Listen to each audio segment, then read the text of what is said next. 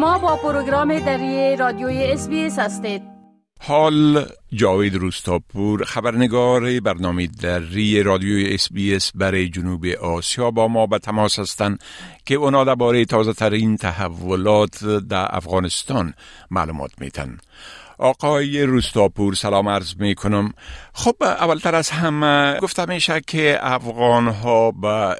اظهارات وزیر داخلی پاکستان در ارتباط به افغانستان عکس های بسیار شدید نشان داده. می‌تونین بگوین که این اظهارات چی بوده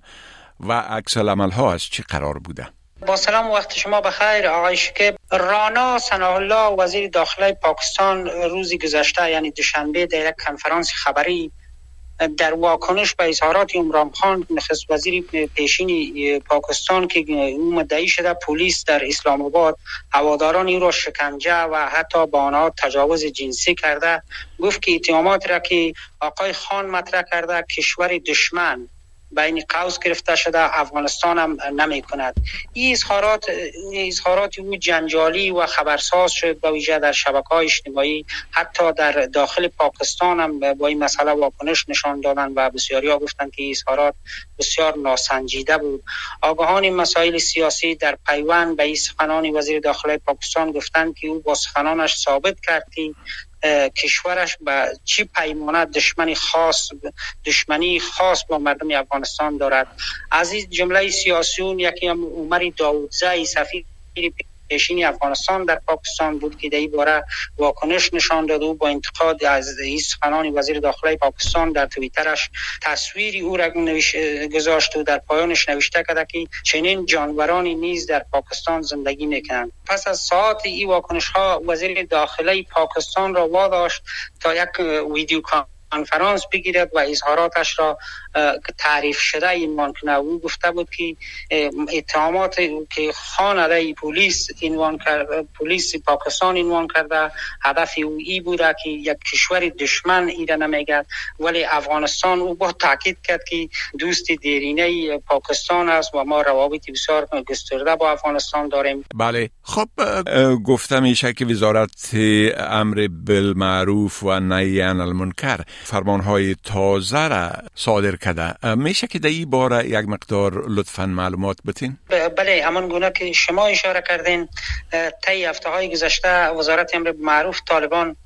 طی چندین اعلامیه دستورات و فرمایشات تازه برای مردم افغانستان به ویژه پایتخت نشینان داشت که در تازه ترین مورد روز گذشته در اعلامیه پنج یا از دکانداران و مردم خواستند که نماز را به صورت کل در مساجد در جماعت ادا کنند و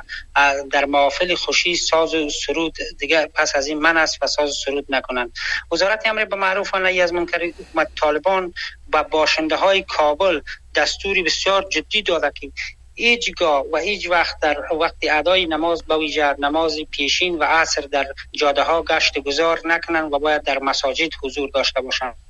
بر اساس اعلامیه پنج ماده‌ای که وزارت پخش کرده در نخست گفته که تمام دکانداران باید دکانهایشان را در وقت نماز پیشین یعنی ساعت دوازده و سی بند کنند و تا پس از نماز هم حتی تاکید کرده در اعلامیه که نمازهای سنت هم یعنی به جماعت باید خوانده شد و در داخل مسجد باید این نماز ادا شد و بیرون نبرایند. در بخشی از این اعلامیه آمده که برای مقتدیان تاکیدشان ای بوده که پس از نماز یا باید 15 الا 20 دقیقه در داخل مساجد باشند تا ملای مامان برای از یا وضع نصیحت کنند و اگر یا در راستای فهمی قرآن و آیات و سوره هایی که باید در نماز خوانده شد مشکل دارند باید این را ازیاد کنند. در بخش دیگری از این اعلامیه تاکید شده که در محافل عروسی و خوشی ساز و سرود و آوازخانی به صورت کلی بند است و همچنان از بسیار جالبی است که از دکان هایی که ظروف های کرایی را به کرا میتن و ظروف دارن از یا بری از یا تاکید شده و بریزا گفته شده برای کسانی که در محافلشان ساز می‌گیرن این ظرف ها را به کرایه ندهید. یعنی اینجا در این مسئله از این بخشی از این در شبکه های اجتماعی و تنز بدل شد که دکاندار چی بفهمد که کی در محافل خوشیش ساز سرود می‌گیره و کی نمی‌گیره. وزارت امر به معروف طالبه اشتار داده که اگر کسی از این دستور سرپیچی کند با او برخورد قانونی صورت خواهد گرفت و حق شکایت را هم ندارد. ای که چی برخورد میشه تا کنون مشخص نیستی. در حالی است که پنجشنبه گذشته ملا الله آخونزاده رهبر طالبان در نشستی که در قندهار برگزار شده بود تاکید کرد برای تطبیق شریعت حتی حاضر است با امریکا بار دیگر بجنگد و او جان خود را فدا کند. شماری از عالمان دینی تاکید کردند که آنچه طالبان دارن دستور می‌دهند برای مردم و وزارت امر به معروف بر سر مردم عملی می کند نه شریعت است و نه اسلام و نه آنچه که اینا میگن این مطابقت دارد با نسل شرعی و اسلامی که در عصر 21 قابل تطبیق باشد. بله. خب گزارش ها میگه که در پنجشیر تعداد زیادی از متعلمین مکتب از درس ماندن و ادعا میشه که نظامیان طالبا مکاتب به پایگاه های خود مبدل ساختن. بله؟ دقیقا منابع محلی در ولایت پنشیر گفتند که ساختمان های دعا با مکتب دولتی در این ولایت به پایگاه نظامی طالبان تبدیل شده و طالبان از سنف های درسی مکتب ها به ایمان انبار سلاح خوابگاه و آشپزخانه استفاده می‌کنند. حدود یک سال گذشته به گفته منابع بیشتر دانش آموزان ولایت پنشیر به دلیل ادامه درگیری های مسلحانه میان طالبان و نیروهای جبهه مقاومت ملی از رفتن به مکتب باز ماندن تنها شماری اندکی از دانش آموزان این ولایت با عالمی از ترس و حراس گفتن به مکتب می روند و در بیشتر روزا هم که در مکتب میرن به دلیل درگیری ها و یا جنگ های پراگنده که وجود داره یا درس نمی‌خوانند و دوباره به خانه هایشان برمیگردن بر بنیاد یافته های یکی از نهادهای بین المللی که روزنامه اشتی صبح و اطلاعات روز یافته ها را به اونا دسترسی پیدا کرده. این مکتب ها که به سنگر و پایگاه نظامی طالبات تبدیل شدن در ولسوالیا و روستاهای مختلف ولایت پنشیر موقعیت دارند. روزنامه اشتی صبح در گزارش به از منابعی که در یکی از سازمان های امداد رسان بین المللی که در پنشیر کار می‌کند دسترسی پیدا کرده و به او مصاحبه کرده و این فرد یا دو نفر بودن به گفته روزنامه. از گرفتن نامشان خودداری کردن گفته که طالبان ساختمان 32 باب مکتب را